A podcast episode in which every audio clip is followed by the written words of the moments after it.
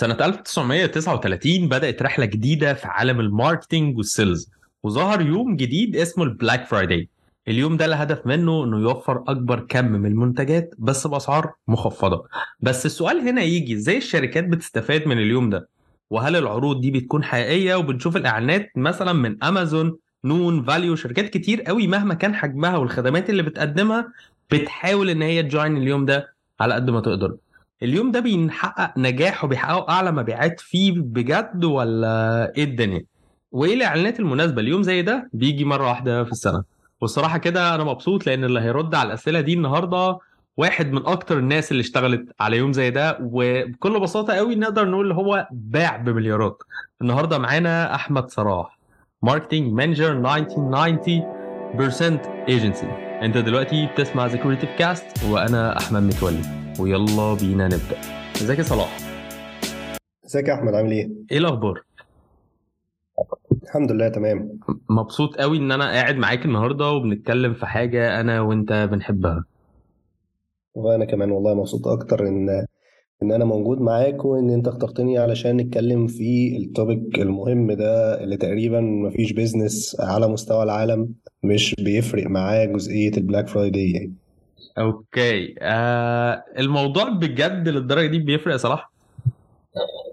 بص هو خليني أقول لك ال concept يعني زي ما أنت قلت في ال introduction النقطة الأولانية هي جزئية إن هو هل هو بيفرق ولا ما بيفرقش؟ فإحنا محتاجين نرجع أصلا للأساس. هو ليه ال Black Friday بدأ أصلا؟ ال Black Friday يمكن بدأ أو يمكن مسمى بده لأنه هو كان آه، مقتبس من ال Black Tuesday اللي هو الثلاثاء الأسود كان في سنة 1929 وقت ما سوق الأسهم على مستوى العالم خصوصا في آه، نيويورك حصل له آه، هبوط جامد فأصبح إن في أزمة مالية عالمية اللي سميت بعد كده بالكساد الأكبر أو الكساد العظيم على حسب المسمى بتاعها يعني. حلو قوي فدايما فكرة الكساد يعني يمكن الناس اللي هي دارسه اقتصاد فعارفة النقطة دي فكرة الكساد هي نقطة إنه في عدد كبير جدا من المنتجات موجودة في السوق ولكن مفيش طلب عليها. يعني إيه مفيش طلب عليها؟ يعني هو أنا عندي في 10000 موبايل ولكن الطلب الحقيقي الناس بتيجي محتاجة بس 2000 موبايل فأنا عندي في 8000 عجز هم مرميين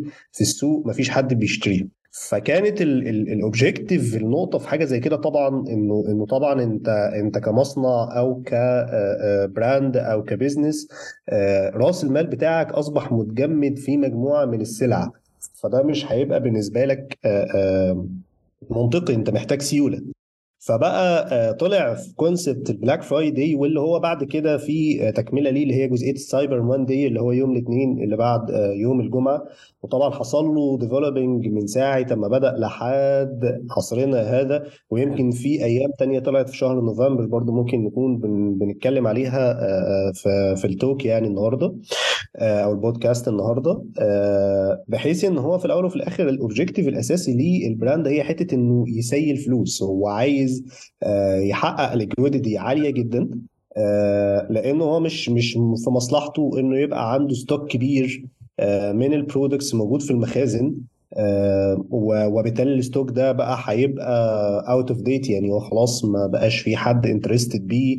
آه، أصبح إن ال products أو ال items وال models نفسها ما بقتش آه، ما بقتش active بالنسبة لل users نفسهم. فهو محتاج إنه يحقق سيولة. ومن هنا كان ابتدى يظهر جزئية ال Black Friday هي الهدف منها إيه؟ إن أنا ببيع ال products بتاعتي أو ال services بتاعتي على حسب أنا آه، التخصص بتاعي أو ال field بتاعي إيه؟ آه، بسعر آه، أقل بمراحل من اللي موجود على مدار السنة. في الأول أو في فترة ظهور ال Black Friday بالتحديد في فترة الفترة اللي هي كان حاصل فيها الكساد كانوا أحيانا بيبيعوها بأقل من سعر التكلفة بتاعتها علشان يحققوا سيولة اللي هو مبدأ بتاع خسارة قريبة ولا خسارة ولا بعيدة. ولا مكسب بعيد بالظبط كده. فلا هي جزئية إن هو كان عايز يعمل يعني هو كانوا بيبيعوها أقل من سعر التكلفة نفسهم.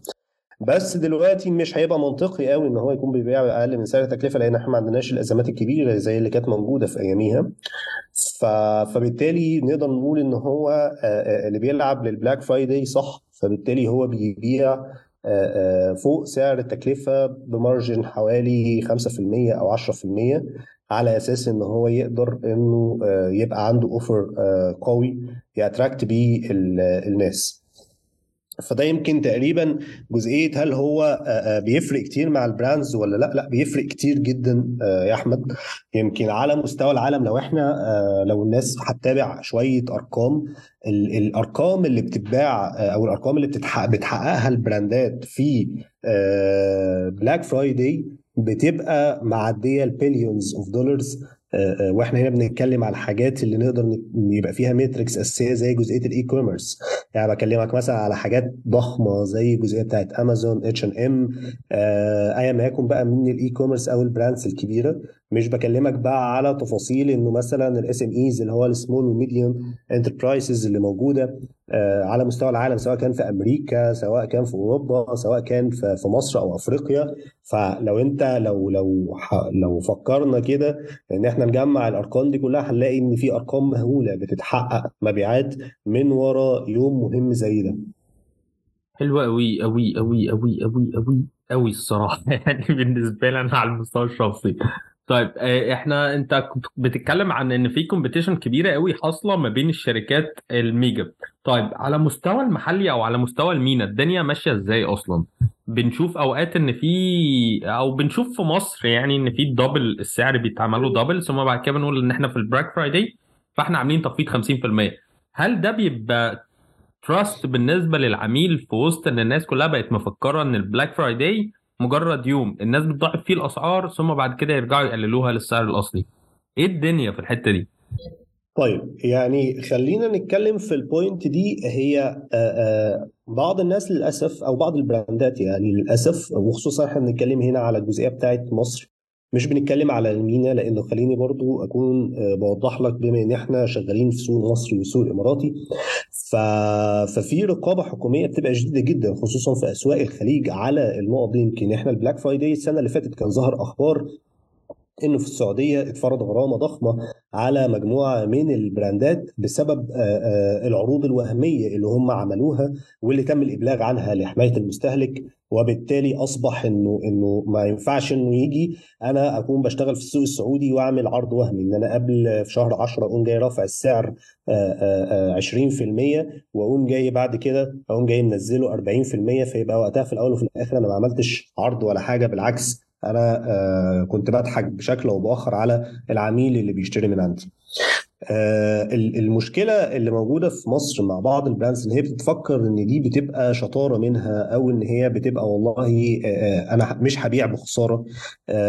لو هو مش عايز يبيع بخسارة اذا فهو ما يشاركش في ال Black Friday. يعني خلينا خلينا نحط بس line كده.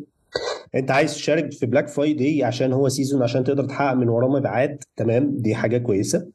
بس في شوية metrics أو في شوية rules لازم أنت تاخد بالك منها. مش معنى إن أنت علشان تحقق مكسب دلوقتي في ال Black Friday فتخسر ال trust currency بتاعتك مع ال customer يعني خلينا أضرب لك sample كده يا أحمد مع حصل معايا على الجانب الشخصي يعني.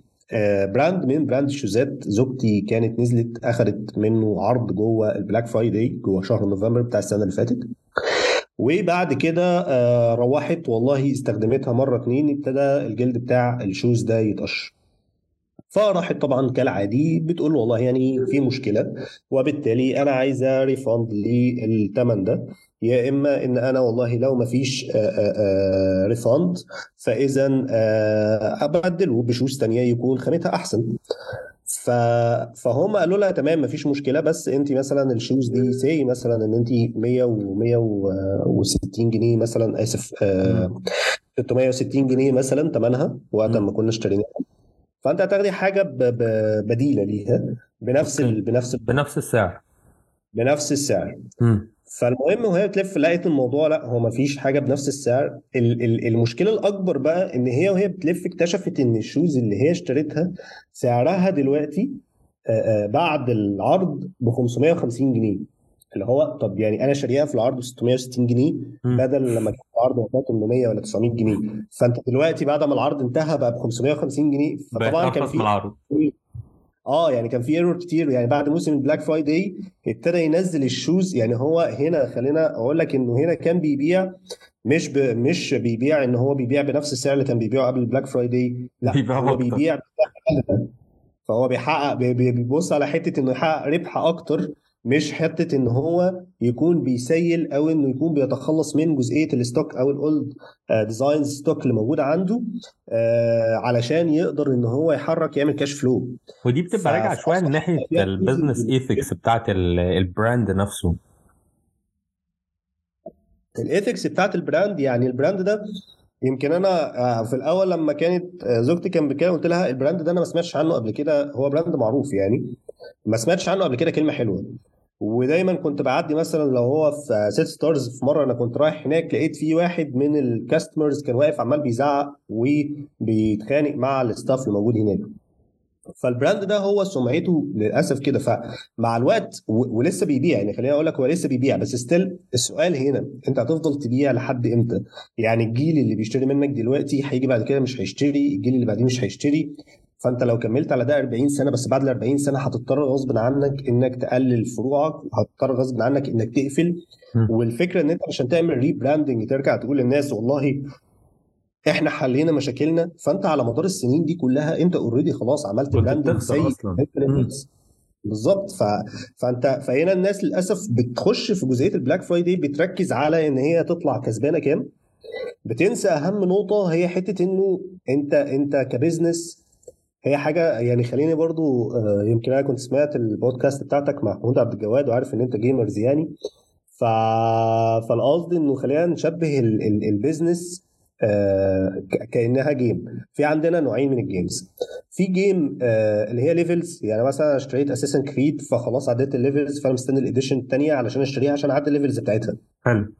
في game طول ما هي شغالة طول ما فيها active users فهي شغاله. فانت كسبت دلوقتي بس خسرت بعدين زي بابجي على سبيل المثال كمثال مشهور. ال business نفس القصة. أنا مش هقول لك ان انت هتفضل طول الوقت انت ranking رقم واحد ك... ك business طبيعي هيبقى عندك setbacks المهم هي جزئيه انك تفضل ثابت على الأرض وقادر انك إن انت ت perform فهي ال point في الحتة دي. فانت مش بتفكر إن انت تقفل ال level إن انت والله حققت مبيعات في خلال Black Friday دلوقتي 5 6 مليون جنيه. تمام ماشي. بس في المقابل آه، على مدار السنين اللي جاية هتلاقي نفسك إن هتخسر أضعافهم. لأن أنت ما كنتش مراعي نقطة ال ethics طبعا رقم واحد. والحاجة الثانية لو لو افترضنا إن إحنا شلنا ال ethics من المعادلة تماما أنت ما راعيتش الجزئية اللي هي بتاعت basics في ال marketing كده عندنا في الكتب هي حتة ال branding هي نقطة إن أنت أنت ال branding بتاعك سيء. أنت الناس الكلام آه، آه، ب- لما بيتقال اسمك قصادهم فهم بيوصل لهم صورة سيئة فطبيعي مش هيجي يشتري منك فطبيعي المبيعات بتاعتك هتقل.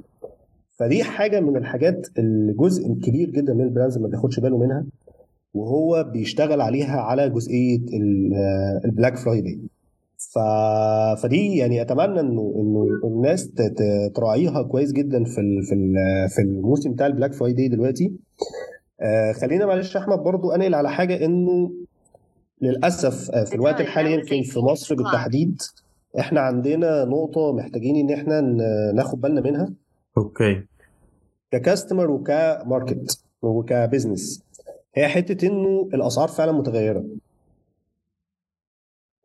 يعني خلينا أكون صريح معاك إحنا شغالين مع عدد كبير من ال businesses في قطاعات مختلفة. من ضمنها قطاعات الأغذية بما فيها القطاعات التانية اللي هي ليها علاقة بال technology سواء كان بقى ال hardwares ال mobiles وال- والحاجات اللي زي كده.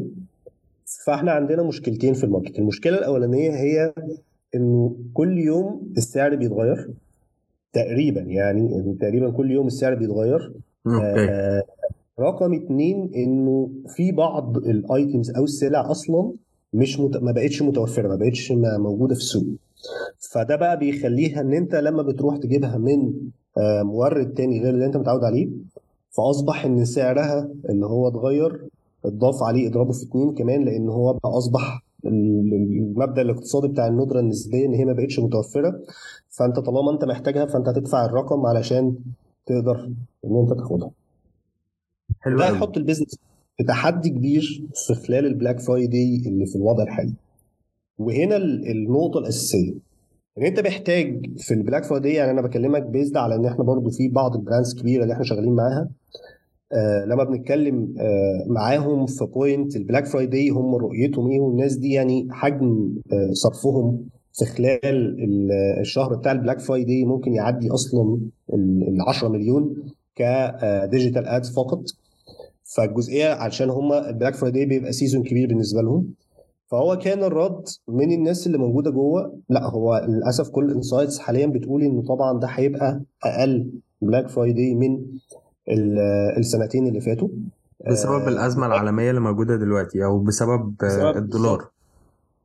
هو مش يعني هو الدولار طبعا هو جزء أساسي بس هي الفكرة في الأول وفي الآخر ده انعكاس على أزمة عالمية أصلا. يعني الموضوع مش موجود في مصر بس. الإمارات الأسعار بتختلف آه، تركيا الأسعار فيها بتختلف بشدة. أمريكا عندها يمكن إحنا آخر حاجة سامعين عنها إن أمازون مسرحة في ولاية واحدة بس في أمريكا حوالي 10000 آه، موظف عامله لهم عشان ال cut cost طبعا الأخبار بقى بتاعت الفيسبوك اللي فيهم 11000 آه اتعمل لهم layoff آه تويتر. طبعا إيلون ماسك ماشي بمذبحة. فالقصد إن هو أنت بتتكلم على أزمة عموما في العالم. وبالتالي انت محتاج انك تشتغل بالشكل الحالي as business بشكل smart إن هي نقطة ودي ودي point يعني. إن هي نقطة آه، آه، انت في ال Black Friday اللي جاي انت محتاج تركز على نقطة. نقطة إن هو إيه؟ انت عندك stock من يعني أنا بكلمك برضو على استراتيجي إحنا دي اللي إحنا هنطبقها في ال... أو إحنا مطبقينها من أول 11 لحد دلوقتي مع ال brands اللي موجودة معانا. حلو قوي هي جزئية إنه إحنا عندنا stock تمام؟ فأنا بالنسبة لي هعمل إيه؟ هعمل offers على ال stock اللي موجود عندي. ال stock ده علشان أعمل له refill يعني أنا لو أنا طلع عندي مثلا لو أنا ببيع iPhones آه، فأنا عندي stock مثلا 40 آه، قطعة من iPhone 14 وأنا عايز ا refill ال 40 قطعة دول لو طلعوا في العروض. فعايز ا refill في ال 40 قطعة دول فطبيعي هبقى محتاج إن أنا أبيع ال 40 قطعة دول بسعر عالي. الفكرة بقى هنا في نقطة إنه لا هو أكيد أنت لو أنت شغال دلوقتي خصوصا لو business بقالك أكتر من 3 4 سنين فأنت عندك sales آه channels آه مختلفة عندك products مختلفة فبالتالي أنت ال focus بتاعك الأساسي جوه ال Black Friday الحالي عشان ال Black Friday ده ما تخرجش منه غرقان يعني خلينا نتكلم كده بشكل صريح إن أنت تخرج ال stock اللي موجود عندك بأكبر قدر ممكن ما تبصش على حتة إن أنت ترفال على ال stock. يعني خلينا المثال بتاع الآيفون بلاش الآيفون 14 خلينا نتكلم على الآيفون 11 ايفون 11 كده كده already خلاص هو ده ال old version بتاعه وإنه الجديد الناس تبقى بتدور يا إما على الآيفون 13 يا اما على الآيفون 14 فأنت عندك آيفون 11 فأنت خرج ال stock بتاعك من الآيفون 11 ب real discounts آه على ال pricing اللي already إن أنت شاريه يعني طبعا لو رجعنا لحتة ال unit economics وإن إحنا حسبنا الحتة بتاعت ال inventory والتخزين والقصص دي كلها على ال item ده علشان تطلعه بسعر معين يعني في حتة ال finance دي. بس القصد هنا في إيه؟ إن أنت ما تسعرش based على إن أنت لما تيجي تشتريه هتشتريه بكام. لأن أنت هيبقى وقتها ال objective الأساسي بتاعك إن الآيفون 11 ده طلعه وخلي معاك كاش لأن الكاش هو اللي هيخليك يحركك بعد كده إنك تروح تقدر تعمل stock من winning product تاني مختلف. okay. بحيث إن أنت تمشي بنفس ال cycle طيب طب الناس اللي شغالة مثلا في الآيفون مثلا ك example الناس اللي ال industry بتاعتها إن هم محلات بتبيع iPhones أو brand بتبيع iPhones. الناس دي ما هي عايزة ت get تاني آه، نفس ال numbers بس السعر زي ما أنت قلت السعر هيتغير. فهو لو باع 40000 آيفون ب 10000 جنيه جوه ال Black Friday هيبيعهم ب 8 هيكون لسه محتاج فلوس عشان يجيب ال 40 تاني. ما هي ال point هنا هي محتاجة strategic decision إن هو إن أنت في الأول وفي الآخر أنت محتاج تتخلص من الحاجة اللي اللي, اللي هي أنت أنت حت ممكن تجيب منها تاني أو ممكن تاخد ال income بتاعها توجهه لل line تاني تكسب منه أحسن فهمتني؟ يعني أنا هبيع الايفون 11 وأنا ببيع مثلا سامسونج واوبو وشاومي وكذا وكذا وكذا وكذا حلو تمام؟ أسعار الآيفون دلوقتي لو أنا بتكلم إن الناس هتبقى عايزة الآيفون 13 والايفون 14 آه فبالتالي إحنا هخلص من الآيفون 11 والفلوس اللي هتيجي منه هروح أحطها في stock في الجديد. في سامسونج في شاومي في آيفون 13 في آيفون 14 حتى لو هيبقى عدد قطع أقل. بس النقطة هنا في إيه؟ إنه في المراحل اللي زي كده ودايما يعني لو لو في قرايات للاقتصاد في الفترة بتاعت مراحل الكساد والأزمات العالمية هو دايما بيقول لك cash is the king هي نقطة إنه في الأول وفي الآخر أنت الفلوس اللي موجودة معاك السيولة اللي موجودة معاك هي اللي هتقدر تحركك. حلو قوي طول ما عندك assets مش سهل يعني assets دي يا إما إن أنت عندك مثلا بضاعة أو عندك عربيات أو عندك عقارات. يعني خلينا برضو نضرب مثال إن أنت مثلا say لو أنت business وعندك مجموعة من العقارات فأنت عايز تسيل كاش حتى دلوقتي علشان تقدر تبيع العقارات الموضوع ما بقاش سهل لأنه بقى فيه بقى فيه أزمات السوق السوق بتاع المجال العقاري based على القراءات اللي موجودة عندنا في الوقت الحالي. هي بقى في في decrease بيحصل فيه آه، بشكل مش آه، مش لطيف. يمكن خصوصا في القوى الشرائيه بتاعت المصرية لكن بالنسبة للناس اللي هي بتبقى من بره مصر وجاية تشتري سواء كانوا بقى مصريين مقيمين في الخارج أو أجانب ف still برضو إيه مش ما حصلش ال decrease الكبير ولكن برضو في decrease مؤشر ال decrease واضح في الفترة الحالية يعني فالقصد إنه أنت الأساس هنا جوه ال Black Friday أنت محتاج يبقى موجود معاك إيه؟ موجود معاك كاش ليه؟ لأن الكاش ده هو اللي هيحركك والله إن أنت يعني خلينا برضو نتكلم إنه لازم يبقى ال cost of opportunity أو آه، نقطة ال flexibility بتاعت ال business بتاعتك تبقى محطوطة أنت فاتح ال business ده علشان تقدر إن أنت ت generate من وراه revenue. فلنفترض على سبيل المثال مثلا إنه نوكيا آه، آه، واحدة من الشركات أول لما بدأت بدأت في سنة 1882 تقريبا وبدأت كمصنع أخشاب واتطورت لحد ما وصلت إن هي بقت شركة بتقدم آه، mobiles أو شركة بتصنع mobiles لغاية ما في الآخر قفلت أو حصل اللي حصل يعني واتباعت ل- ل- لمايكروسوفت وما إلى ذلك. okay فال flexibility في النقطة دي والتطور اللي بيحصل وال cost of opportunities ما تقدرش إنك تتحرك فيها لو أنت معكش كاش يعني لو أنت معاك stock من ال iPhones فأنت بعت منه 10% بس فوقتها وانت محتاج انك تتحرك. و say على سبيل المثال ودي نقطة مهمة جدا هي حتة إن وقت ما بيبقى فيه تضخم وقت ما بيبقى فيه أزمات عالمية بتبدأ الناس دايما تدور على إن هي ت cut cost ال الإضافية. يعني أنا مثلا والله معايا الآيفون 11 شغال معايا كويس. خلاص أنا مش هروح أجيب الآيفون 14 آه، معايا ال- العربية اللي موجودة معايا موديل 2011 شغالة معايا كويس. مش هجيب موديل السنة. معايا اللاب اللي شغال معايا دلوقتي. مش هروح أجيب موديل اعلى هي ال point ليه؟ لأنه في الأول وفي الآخر أنا مش عارف بكرة مخبي لي إيه ولسه الوضع مش مستقر عموما على مستوى العالم. فاذا أنا محتاج إن الفلوس اللي موجودة معايا سواء كان individual سواء أنا كشخص أو كشركة أنا محتاج الفلوس اللي تبقى موجودة معايا أحطها في الأساسيات اللي هي أكل شرب ملبس تمام؟ والسكن. و okay. آه، آه، لو فاضل معايا فالمفترض إنه ببدأ أفكر في إن أنا إزاي أحطها في حاجة تجيب لي فلوس. okay. فهي النقطة في الحتة دي. هي نقطة إن هو ما ما ما تخاطرش ما تعملش taking risk لجزئية إنه يبقى موجود معاك آه، آه، stock آه، ولازم دايما في الجزء ده تكون بتدرس هي ال- الفرص البديلة اللي ممكن تبقى متاحة لل business بتاعك. okay. very cool طيب الناس اللي عايزة بقى اللي عندها stock ات وعايزة إن هي تبيعها أصلا إيه أنواع الإعلانات اللي هم ممكن يشتغلوا عليها؟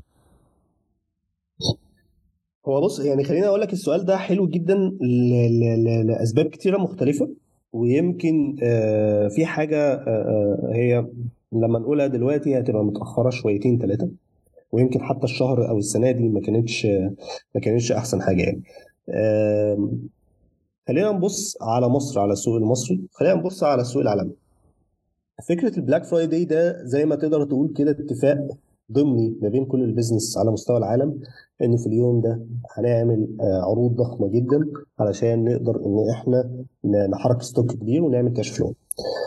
آه، فعلى مستوى العالم برضو لو بنتكلم على امازون فهتلاقي إن في آه، اللي هو بيسموه عيد ميلاد امازون أو اللي هو Amazon Prime Day آه لما تيجي تقرا في ال analysis بتاعه بتلاقي إنه امازون طبعا بما إن هي ما شاء الله يعني دلوقتي واحدة من أضخم الشركات اللي موجودة على مستوى العالم فلما تيجي تقول والله أنا عيد ميلاد أمازون أو Amazon Prime Day آه، عامل خصومات آه، كبيرة فهتلاقي إن هي بتحقق أرقام مبيعات كبيرة.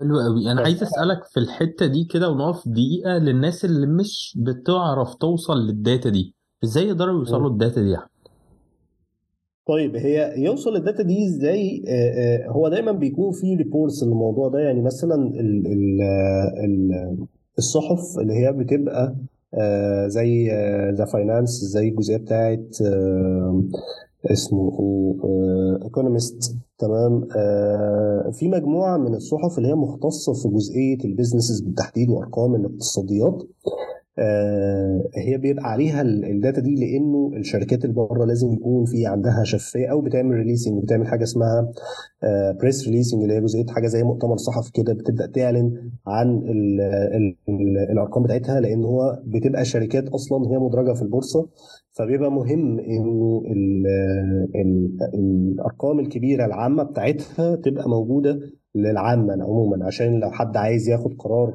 مبني على جزئية إن هو يشتري السهم أو يبيعه وما إلى ذلك يعني. فال- فالأرقام دي بتبقى موجودة أونلاين من for free يعني هي من من جرايد إخبارية تبع الاقتصاد.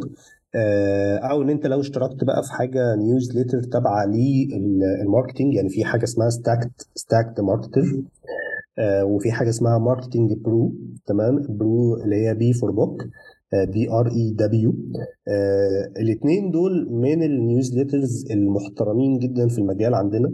بيجيبوا تقريبا انسايتس لكل التفاصيل بتاعه البيزنسز حوالين العالم من برسبكتيف ماركتنج تمام؟ يعني هو بيكلمك والله إنه التيك توك ال- التويتر الحاجات دي كلها مبيعاتها عاملة إزاي؟ بلس طبعا إن هو بيبقى عنده آه، أخبار كويسة جدا عن ال e-commerce سواء كان امازون Walmart آه، جوميا الحاجات اللي بتبقى زي كده يعني. فالأرقام دي بتبقى موجودة اونلاين يعني هو بس مجرد ما ي search عليها هيلاقي بيظهر له كل ال analysis أو كل ال data اللي هو ممكن يكون محتاجها كأرقام يعني. حلو قوي okay. طيب الإعلانات بقى نرجع. نفسها. آه أيوه يعني خلينا نرجع تاني في في الجزئية دي. يعني أنا كنت بكلمك على جزئية Amazon Prime Day وكنت بكلمك في على في مصر هنا مثلا. هتلاقي إنه بعد في شهر يناير في اللي هو عيد ميلاد كارفور ويمكن ده معروف جدا. آه، جزئية بيبقى فيه خصومات كبيرة ومش عارف إيه وبيبقى فيه حجم مبيعات برضه مش قليل بيحصل. حتة ال ال ال الإعلانات آه، اولا هو أنت محتاج ويمكن دي نقطة مهمة جدا للأسف آه، آه، ناس كتير بتقع فيها إن هو بيفكر إنه والله أنا لو هبدأ إعلان Black Friday فأنا هبدأه يوم 1 11 هو الحقيقة إن أنت المفترض إنك تبدأه من يوم آه، آه، 20 10 أو 15 10 لأسباب كتيرة. الإعلان في الأول وفي الآخر عشان برضو الناس تبقى موجودة معايا فكرة إن أنت يبقى موجود معاك إعلان أو إن أنت تعمل إعلان على platform زي ال social media أو أو جوجل آه، هو ده معناه إن أنت بتستخدم tool معينة. ال tools دي هي بتستخدم algorithm معين أو بتستخدم بعض ال tactics وال techniques عشان تساعدك في إنك توصل الإعلان. فأنت لازم تفهم إن أنت بتتعامل مع system عموما. فأنت لو بتتعامل مع system وانت ما عندكش ال knowledge في انك إزاي ال system ده يخدم يخدمك انت ويخدم ال objective بتاعك في انه آه، يوصل لل- للناس أو الفئة اللي مستهدفة آه، فوقتها انت هتقع في مشكلة كبيرة لأنه هتلاقي انه مهما كان الصرف اللي انت بتصرفه ال budget اللي انت بتصرفها فال income بتاعها آه، هيبقى ضعيف جدا إلا لو انت فاهم أصلا ال- ال platform دي بتشتغل إزاي. إحنا عندنا كده في الايجنسي عندنا يمكن آه، معلومة دايما دارجة هي جزئية إنه والله إحنا بداية من آخر أسبوعين في أكتوبر بيحصل حاجتين مهمين. الحاجة الأولانية هي نقطة إنه ال- ال ad platform خصوصا الفيسبوك بيحصل إن هو بي بيبدأ يعمل بقى فيه شوية مشاكل. يعني في account ات بتتقفل آه في إعلانات بتترفض بسبب بدون سبب آه في إعلانات بتاخد وقت على ما تعمل لها approve كل ده طبعا هو ال- ال time هو في الأول وفي الآخر بي cost معاك money فنقطة إن أنت بت... إن الإعلان ياخد 48 ساعة علشان يتعمل approve ده كارثة في الموسم حاليا. يعني تتكلم لو أنت عملتها دلوقتي في يوم آه، آه، 15 آه، 11 okay. فأنت النهارده يبقى الإعلان بيشتغل معاك. فانت okay. بعد ما الإعلان يشتغل ولو الإعلان هياخد learning phase على سبيل المثال مثلا ف learning phase بتاخد لها بتاع حوالي يومين ثلاثة تانيين. فانت بتتكلم ادي خمس أيام وانت لسه بتقول بسم الله الرحمن الرحيم الإعلان ما وصلش انت عمال بتصرف فعلا. الإعلان بدأ يوم 21 الإعلان بدا يوم 21 وانت ال Black Friday بتاعك يوم 25 فاللي هو وانت صرفت فلوس خمس أيام انت ما صرف يعني هي جزئية إن الخمس أيام دول ما هو انت اتصرف عليك فلوس. صرف عليك فلوس سواء كان في إعلان أو في جزئية ما هو أنت في ال Black Friday لو داخل يعني هتلاقي أمازون دايما دخلت ال Black Friday بيبقى ال insights اللي طالعة إن هي بت- بتعين عمالة مؤقتة في موسم okay. ال Black Friday في سنة آه، 2020 أو 21 أعتقد كان ال report بيتكلم إن هم كانوا واصلين ل 12000 12000 موظف عمالة مؤقتة عشان شهر واحد. مؤقت عشان بس ال... ال season ده. عشان يعرف يcover الطلبات. فأنت okay لو أنت آه، آه، آه، لو business بتتكلم إن هو طبعا جوه ال Black Friday أنت أكيد طبعا كلنا بنتابع على ال social media الطوابير اللي بتبقى واقفة في في المحلات. فأنت جايب أكيد هتجيب عمالة مؤقتة علشان ال- الشهر ده بالتحديد. فأنت بيعد معاك إيجار بيعد معاك عمالة بيعد معاك مش عارف كذا. وأنت عشان في الأول وفي الآخر ما خدتش بالك إنك تفهم ال platform شغالة إزاي. فطبعا الفيسبوك بيحصل كده. يمكن كانت واحدة من ضمن الكوارث كانت الانتخابات الأمريكية صودف إن هي كانت جاية في نفس التوقيت بتاع ال Black Friday فكان دي من يعني من أسوأ السنين الصراحة اللي شفنا فيها ال ad system بيتعمل فيه حاجات يعني تطير العقل. وأنت. طبعا أنت ايجنسي فأنت على الناحية التانية أنت قاعد عمال بتضرب أخماس في أسداس وقاعد ليل نهار أنت عمال بت refresh لل لل لل لل dashboard عشان ما ينفعش إنه العميل آه، آه، الإعلان بتاعه يقف. okay. ولازم تلاقي له بديل. يعني إحنا كنا بنشغل خمسة ستة campaign من على خمسة ستة ad accounts مختلفة. عشان لو في واحد منهم crash لو في واحد منهم وقف لو في واحد منهم أخد وقت على ما ياخد لو ال account اتقفل أصلا. لو ال account اتقفل فأنا م cover أنا م cover. نفسي. خصوصا بتتكلم جوه 30 يوم. فرقم واحد طبعا دي النقطة الأساسية هي جزئية انه ال Black Friday قبل آه، دخلة ال season بيحصل فيها ده آه، بيحصل فيها إنه في errors كتير بتحصل في ال ad system الحاجة الثانية إنه ال CPM طبيعي بيعلى. أنت عندك حجم كمية أو عندك كمية منافسة مش طبيعية بتصرف في جوه ال season ده.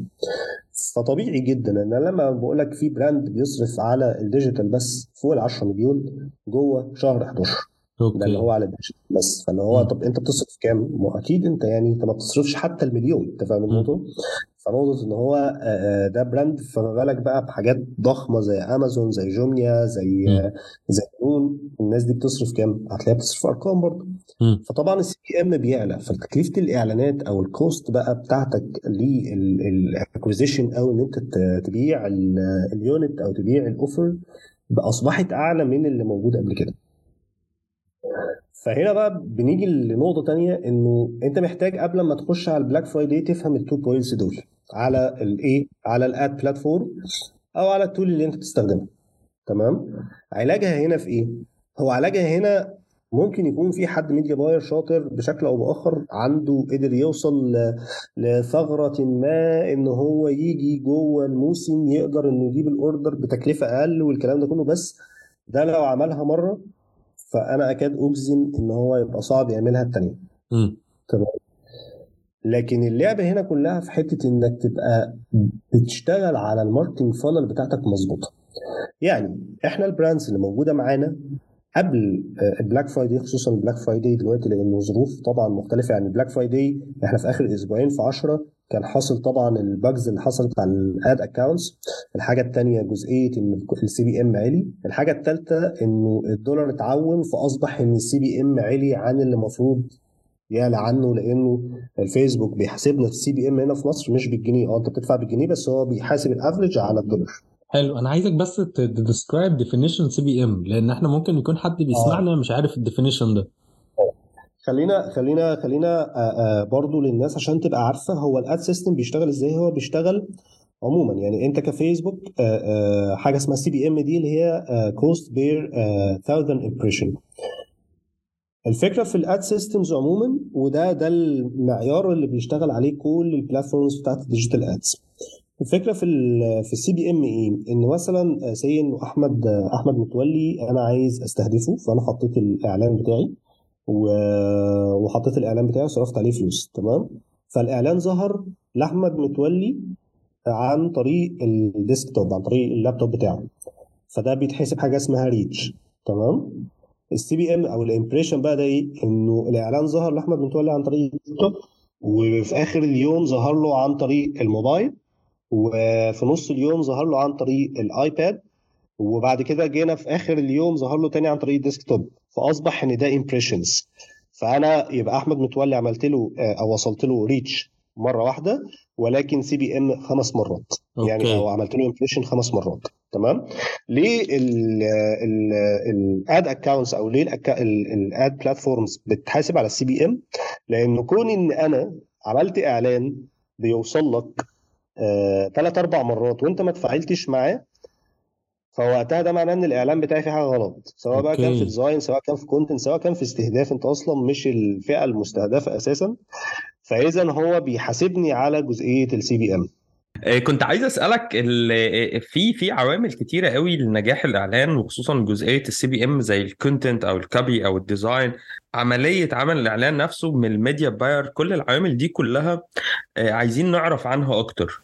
طيب هو السؤال ده حلو جدا يا أحمد لسبب إنه إنه الناس للأسف في جزء كبير بيفكر إنه فكرة الإعلان كلها قايمة على حتة ال ال إن أنت تستهدف كويس وإنك تعرف تصرف إعلانات أو تصرف بادجت كويسة آه، في في بلاتفورمز كتيرة مختلفة وكل بلاتفورم تصرف عليها بالشكل اللي, اللي تقدر تجيب منه نتائج. بس طبعا يعني وأعتقد دلوقتي الناس بقى عندها وعي أكتر في حاجة زي كده إنه نجاح الإعلان وعدمه مش في حتة إنك إزاي بتعرف تشغل الإعلان. هو نجاح الإعلان وعدمه أو نجاح ال campaign وعدمها في عوامل كتيرة جدا بتأثر عليها آه، ك marketing. أهمها طبعا ودي النقطة الأساسية هي جزئية إنه أنت بتشغل الإعلان إمتى ولمين وبتشغله بشكل عامل إزاي. يعني على سبيل المثال مثلا دايما إحنا لما بنبقى داخلين على الجزئية بتاعت ال Black Friday فاحنا بيبقى عندنا two options يا إما ال option الأولاني إن إحنا نروح آه، آه، نجيب cold audience يعني نروح نشغل إعلان على الناس اللي عارفانا واللي already اشترت من عندنا قبل كده أو إن إحنا نروح لناس آه، آه، اللي هم already اشتروا مننا قبل كده وليهم history كويس معانا.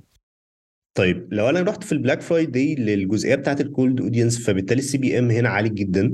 آه وفي نفس الوقت هي الناس جوه ال Black Friday هي interested إن هي تشتري من الناس اللي ليها experience كويسة قبل كده.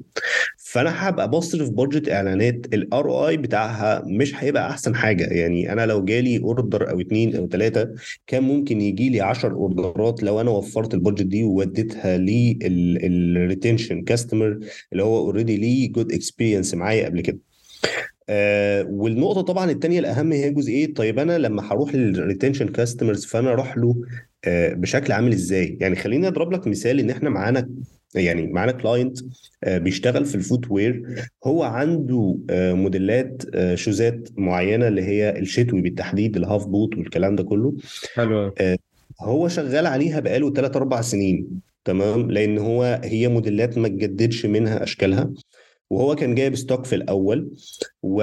وال stock ده بما إن هي أصلا high ticket value يعني هي ال... ال... ال shoes الواحدة مثلا ممكن ثمنها 1600 2100 حاجة زي كده يعني. ف... فبالتالي هي بتقعد يعني هو جايب stock فبالتالي بيبيع منها عدد قطع معين بيكفر ال margin بتاعه و still بتقعد منها لل season اللي بعديه. رغم ذلك الا إن إحنا كل season بينزل ال item اللي هو هو نفس الموديل ولكن ب visual مختلف ب content مختلف ب direction مختلف فبيبدأ يظهر لل audience اللي كانوا موجودين معانا من السنة اللي فاتت إن هو منتج مختلف فبيبقوا engaging أكتر. اللي كان السنة اللي فاتت ما اشتراش في السنة دي ممكن يكون بيشتري.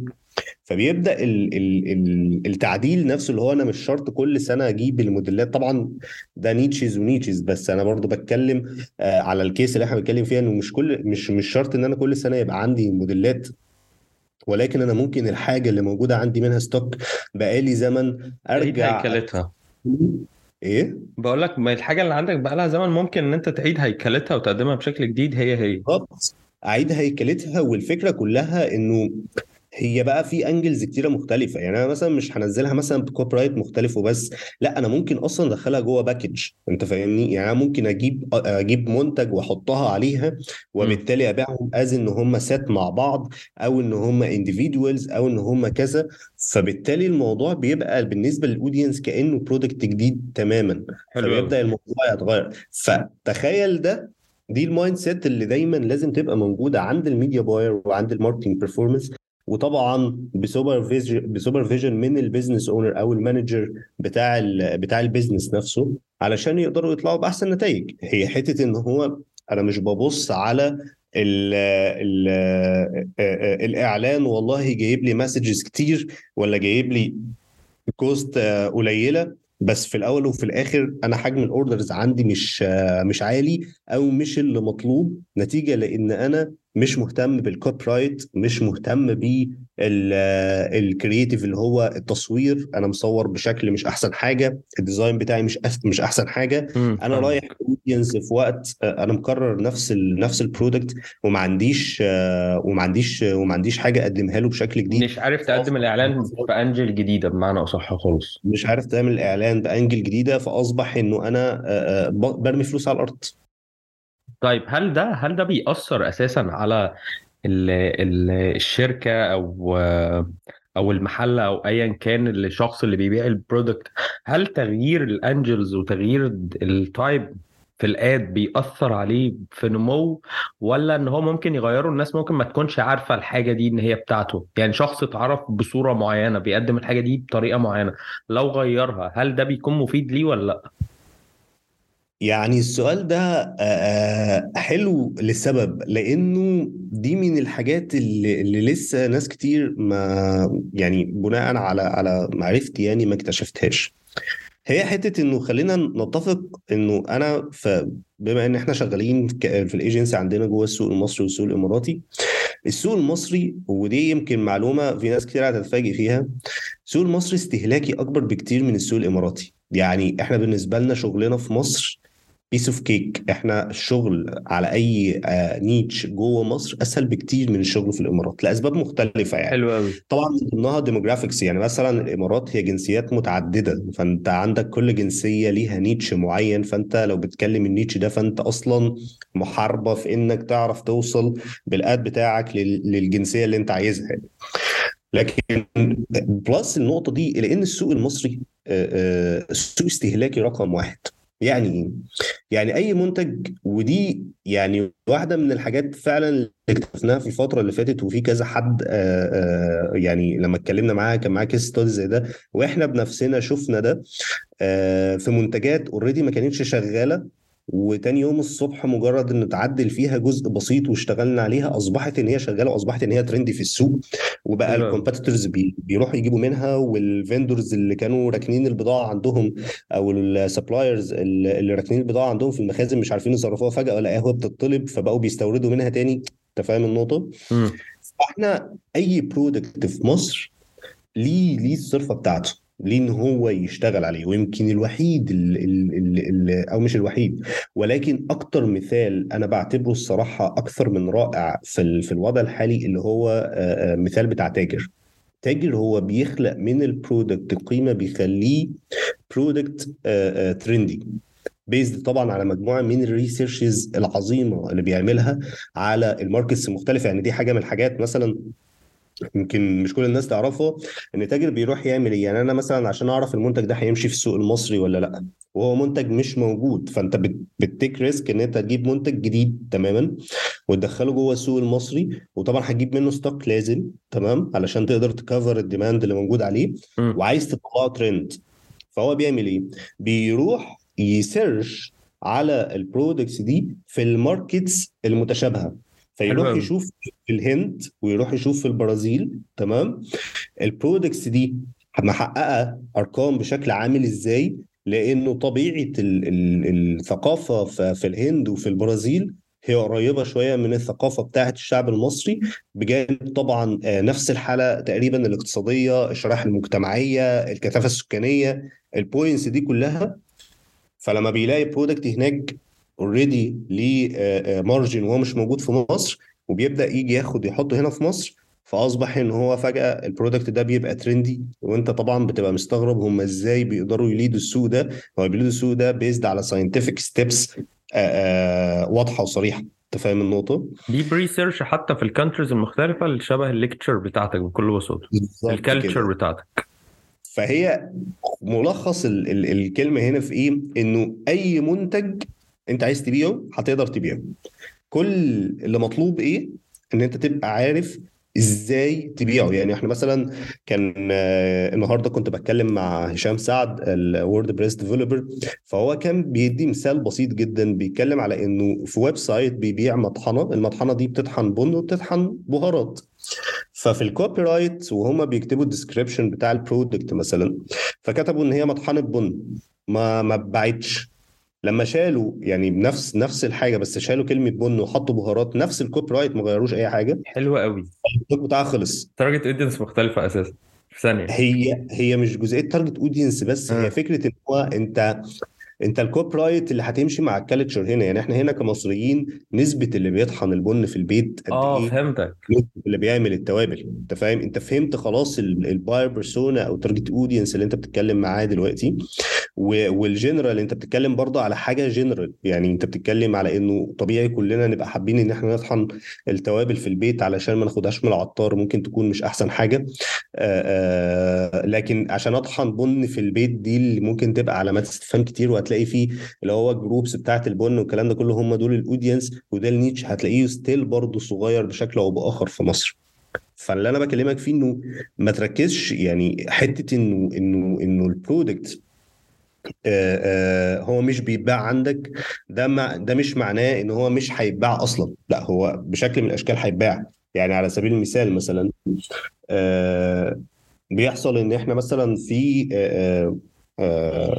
e-commerce store بتاع أدوات منزلية فهو عنده stock من ال coasters ال coasters اللي هي الخشب والسيليكون اللي بتتحط على الترابيزات علشان يتحط عليها المجات علشان ما تعلمش فيها والكلام ده كله. تمام؟ الطقم بتاع ال coaster مثلا لو فيه أربعة ولا خمسة فهو تكلفته بتاع حوالي 60 70 جنيه. فأنت ك logic كده اللي هو والله طب علامة استفهام أنا دلوقتي هشتري ليه طقم coasters ده لوحده؟ مش منطقي صح؟ فبالتالي اللي هي طيب أنا أنا عايز أبيعه هو موجود معايا في البداية لأنه أنا آه، كنت جايبه من ضمن الرفايع الأساسية اللي لازم تبقى موجودة في ال stock عندي. ولكن هو بقاله حوالي سنة ونص دلوقتي موجود معايا ومش عارفين نبيعه. فنعمل إيه؟ فرحنا بكل اختصار رحنا جبنا طقم آه، آه، كوبايات تمام؟ اللي هي شكلها شيك كوبايات إزاز يعني بتاعت شاي. حلو قوي وطقم مجات أربع قطع. تمام وإن الطقمين دول بسعر كذا ومعاهم ال coasters اللي هو ال ال ال عدد القطع الفلانية دول هدية هل طقم ال coaster في أرض الواقع هو هدية؟ هو مش هدية بس أنت لما هتيجي تلاقي إن أنا كسبان في ال في ال في ال في الطقم ال- ال- الكوبايات اللي هنا مثلا آه say مثلا أنا كسبان فيه 50 جنيه طقم المجات 50 جنيه مع إن هنا ممكن أكسب فيه 80 وهنا ممكن أكسب فيه 100 حلو وكسبت في ال في ال في, ال في بتاع ال coasters مثلا 10 جنيه. ف still إن أنا لما أبيعهم كلهم على set ودي طقم ال coasters هدية هيبقى بالنسبة لي أفيد لأني حركت ال product بتاعي وبعته. أحسن من إن هو مركون موجود معايا تمام؟ والعميل انبسط لأنه حس إن أنا بديله valid offer قوي واشترى مني وهتلاقي ال cost per order عندك مش كبير. حلو قوي بحته ال valid حلو قوي بقول لك في حتة ال valid offer هل ال- ال- الجمهور آه، أو ال target audience بتوعنا دايما بيهتموا إنه يكون في valid offer بالنسبة لهم؟ لأن إحنا بنشتري أي حاجة تقريبا عليها offer حتى لو إحنا مش محتاجينها أصلا.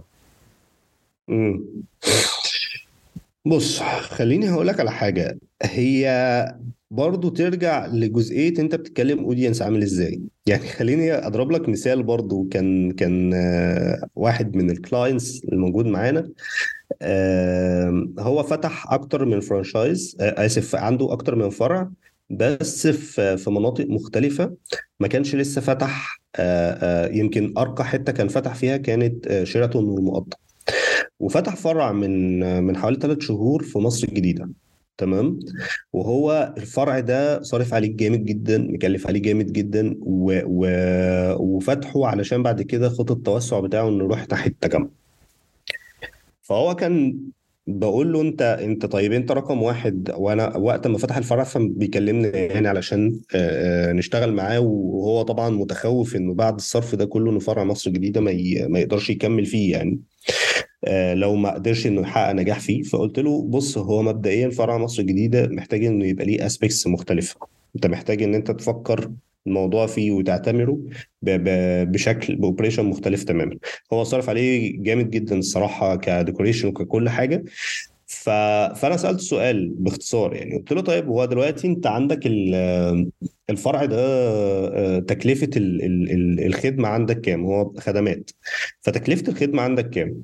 فهو بيقول لي لو إحنا قارنا على السوق بتاع مصر الجديدة هتلاقيني إن أنا أرخص يعني أقل واحد في السعر أنا أقل منه بتاع حوالي 20 جنيه. لو هو أقل واحد في السعر مثلا بيبيعها ب ب ب 170 أنا ببيعها ب 150 تمام؟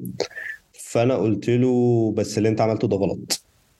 يعني هو طبعا أول حاجة قال لي إيه؟ قال لي غلط إيه يعني عشان ببيع بسعر أقل ما هو أنا لازم أعمل كده علشان أقدر أجيب clients وأقدر أجيب ناس للسوق وبتاع. قلت له بس اللي أنت عملته ده غلط ليه؟ لأنه ال buyer persona وال mindset بتاعت عميل مصر الجديدة وعميل التجمع ويمكن ناس كتير اللي شغالة وعندها آه، وشغالة على عملاء بتوع مصر الجديدة وبتوع التجمع هتبقى عارفة كويس جدا إنه يعني بنسبة 90% عميل مصر الجديدة وعميل التجمع picky جدا وشخصية آه، آه، هي بتحب زي ما بيقولوا كده ينزه نفسه هو مش بيدور على الرخيص أصلا تمام؟ بالعكس ده هو بالرخيص ما بيروحش ناحيته. لا مش فارق معايا يصرف كام. مش فارق معاه يصرف كام بالعكس ده هو لو راح لحد عشان مكان جديد وبتاع لا طالع من عنده لقى نفسه إن هو أرخص من أقل واحد حتى لو هو سيرفيس عجباه هو مش هيبقى مرتاح نفسيا من جواه إن هو يروح لمكان تاني. وده اللي أنا قلته له. قلت له اولا أنت عميل مصر الجديده لما تلاقي نفسك إن أنت أرخص حتى ولو ب ب ب 20 جنيه من أقل واحد موجود في السوق فأنت يبقى عندك هنا مشكلة لأن عميل مصر الجديده مبدئيا هو ما يعرفكش وأنت مش brand name معروف وبالتالي لما جه لقاك إن أنت أقل رغم إن أنت ال service بتاعتك كويسة رغم إن أنت ال decoration بتاعك هايل رغم إن أنت فاتح في location متميز رغم كل الحاجات دي كلها بس هو هيبقى حاسس إن أنت في مقلب مستخبي. فهو مش هيبقى آه، مرتاح إن هو يجي لك تاني. طب الحل إيه؟ أو البديل إيه؟ إن أنت هتروح تعمل الآتي تروح تقول له والله إحنا آه، آه، حضرتك شرفتنا سعر الحاجة 170 جنيه. تستخدم نفس التسعير لأقل واحد موجود في السوق أو من المنافسين حواليك في نفس المنطقة 170 جنيه بس عشان ده أول مرة وعلشان حضرتك إحنا في الافتتاح. فبالتالي هيبقى 150 بدل 170 هو ال... هنا بقى الموضوع انعكس انعكس ليه؟ لأن عميل مصر الجديدة بيحب إنه يحس إن هو متميز. متقدر لا خلاص أنا أنا. والله هدفع 150 جنيه وأنا متكيف وجاي المرة الجاية وأنا مبسوط وعامل حساب إن أنا هدفع 170 أنت فاهم النقطة؟ فهي التركايه لما تيجي تخش في حتة ال offer ال offers بتجيب. يعني خلينا نتفق إنه إنه إنه الناس مهما كان ال level بتاعهم مهما كان مستوى الدخل بتاعهم هم interested إن هم آه، أو ال offers بالنسبة لهم خصوصا مع ال brands الكبيرة بتبقى آه، حاجة مهمة جدا وبيبقى trigger بالنسبة لهم كويس. بس النقطة كلها إن أنت لازم تعرف ال offer اللي أنت هتطلعه ده هل هو ده اللي مناسب لل audience اللي أنت بتكلمه ولا لأ؟ تمام؟ يعني رقم واحد في ال e-commerce based على كل ال analysis وال insights اللي طلعت في العروض هي ال free shipping فأنت. لو أنت هتعمل offer 10% تمام؟ وهتعمل ال shipping 50 جنيه فاللي هو ممكن ال offer ده ما يجيبش أحسن بأحسن حاجة إلا لو أنت بعت الحاجة بسعرها الحقيقي بس عملته free shipping حلو قوي أنت فاهمني؟ ده. based على الارقام أنا- يعني أنا مش بكلم حاجة من من عندي أو توقعات. ده based على كل ال analysis اللي اتعمل في الفترة اللي فاتت. إن الناس بتبقى interested لجزئية ال free shipping يمكن أقول لك برضو على case study برضو لطيفة. إن إحنا كان موجود عندنا product مع client عندنا e-commerce تمام ال product ده لما جينا نعمل عليه عرض اولا هو كان آه، آه، قطعتين مختلفتين. فاحنا عملنا منهم طقم عملنا منهم ست تمام؟ مع إن كل قطعة بتتباع لوحدها يعني. فاحنا عملنا منهم ست وقلنا للناس إن أنت تقدر تاخد الست ده بخصم آه، على القطعتين لو غير لو أنت هتاخد كل قطعة لوحدها. تمام؟ وعملناه استهدفنا بيه مصر كلها واشتغلنا مع شركة شحن مع شركات شحن آه، نثق في إن هي تقدر توصل حاجة يعني. آه، واستهدفنا بيه مصر كلها. وكان عندنا option إحنا كان ال- ال- ال margin بتاعنا يسمح لنا إن إحنا نعمل free shipping فكان ال debate في حتة إن هو طب يلا نعمل free shipping فإحنا كنا من الناحية الثانية عارفين إن ال free shipping كده كده هتجيب نتيجة. بس كان عندنا منظور تاني مختلف اللي هو طيب أنا لو هعمل free shipping ده معناه إن أنا أقصى fees لل shipping تتعمل اللي هي مثلا في مناطق الصعيد اللي هو مثلا كان هيبقى 70 جنيه. تمام؟ فأنا هشيل ال 70 جنيه دول وال 70 جنيه دول متحملين على ال profit margin بتاعي فهيتخصموا من الربح بتاعي. فاحنا عملنا تريكة لطيفة كده. قلنا طب ما تعالى نمسك العصاية من النص. تعالى نخلي إنه ال ال ال shipping على مصر كلها 25 جنيه. هو أصلا كان من غير العرض جوه القاهرة والجيزة كان 50 في مناطق الدلتا واسكندرية والحاجات دي 60 وفي مناطق الصعيد 70 حلو. تعالى نعمل الموضوع على مصر كلها 25 جنيه. وال orders اللي هتيجي من القاهرة تمام؟ هيبقى واخدة من margin الربح بتاعنا أقل واللي هتيجي من بره القاهرة هتبقى واخدة من margin الربح بتاعنا أكبر شوية بس still إنه ال 70 جنيه أو ال 60 أو ال 50 جنيه هي مش أنا شايلها بنسبة 100% أنا شايل جزء منها وال 25 جنيه الثانية متشال جزء منها لما جينا عملنا كده. لقينا إن العرض يعني أنا عايز أقول لك إنه آه آه، وإحنا زودنا حاجة على العرض إن أنت لو هتشتري two sets فوقتها ال shipping هيبقى free تمام؟ فاحنا عملناه على two stages يعني.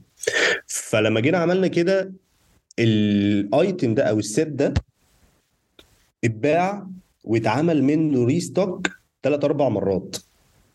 يعني أنت مش متخيل ال item وال item أصبح ترند أصلا في السوق في ال market ده.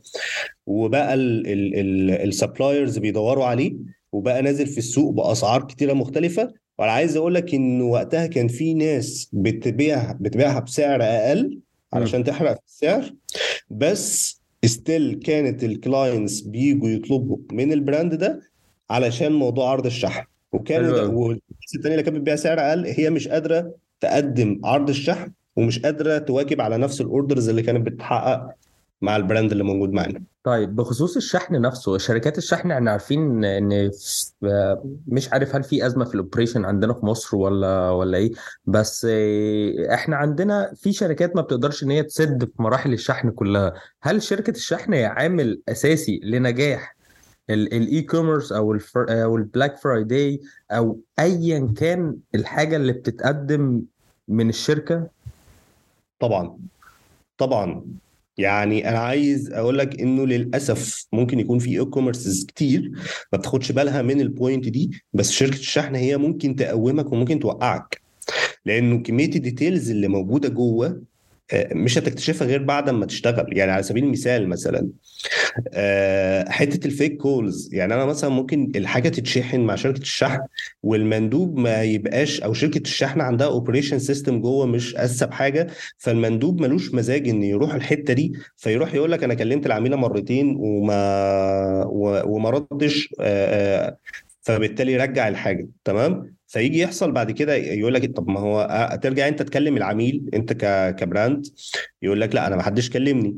فلو انت بتيجي بتقع بقى في drop في حتة إنه شركة الشحن هترجع لك الحاجة وهتحاسبك على الفلوس إن هي أخدتها وحطيتها في المخزن عندها وحاولت إن هي تطلعها وما نفعش فهترجع لك تمام؟ أو إن هي تعمل محاولة إضافية ولو عملت محاولة إضافية فهتحاسبك برضو على فلوس إضافية. أو إنه مندوب الشحن يبقى بيتأخر أو إنه بيوصل الحاجة بشكل مش أحسن حاجة. أو إنه بيوصل حاجة لحد باب البيت في كمية تفاصيل details. جوه تخلي فعلا إن ال e-commerce عندك ممكن يقفل. تمام؟ لمجرد إن أنت مش عارف تظبط حتة ال logistic. حلو قوي فالحتة دي يعني خليني يعني أقول لك إن الحتة دي إحنا ممكن نكون بنحلها إزاي؟ إحنا بنحلها وبتبقى دايما ال recommendation بتاعتنا مع ال business اللي شغال في ال e-commerce يمكن إحنا مش حتتنا قوي بس يعني أنت عارف اللي هو إيه طالما إحنا في إيدينا إن إحنا نظبط الحتة دي فبنعملها. بنعمل حاجة اسمها evaluation card evaluation card يعني يعني بحط اولا أنت ما بتتعاقدش مع شركة شحن واحدة. أنت بتتعاقد مع أكتر من شركة يعني بتتعاقد مع اثنين أو ثلاث شركات شحن تمام؟ أنت عندك في شركة سعرها قليل بس لما بتيجي بتشحن لو أنت عندك حاجات مثلا قابلة للكسر ودي واحدة من ضمن المشاكل مثلا لأن الحاجات اللي بتشحن آه، زي ما بقول لك كوبايات ومجات والكلام ده كله الحاجات القابله للكسر هي دايما الحاجة بترجع لك متكسره فاذا يبقى انت دي مش هتشحن معاها حاجة قابله للكسر وبس هتشحن معاها الحاجات التانية اللي هي ما. ما تبقاش قابله للكسر ليه؟ لأن هي ال rate بتاعها قليل في في شركة شحن تانية ال rate بتاعها أعلى بس بتشحن حاجات قابله للكسر وتوصلها مظبوط. في شركة شحن بت... ال- ال- المناديب بتاعتها آه، آه، بتبقى يعني عارف مهندمة كده لابسة ال uniform عربيه بتاعتها branding بتاع الكلام ده كله.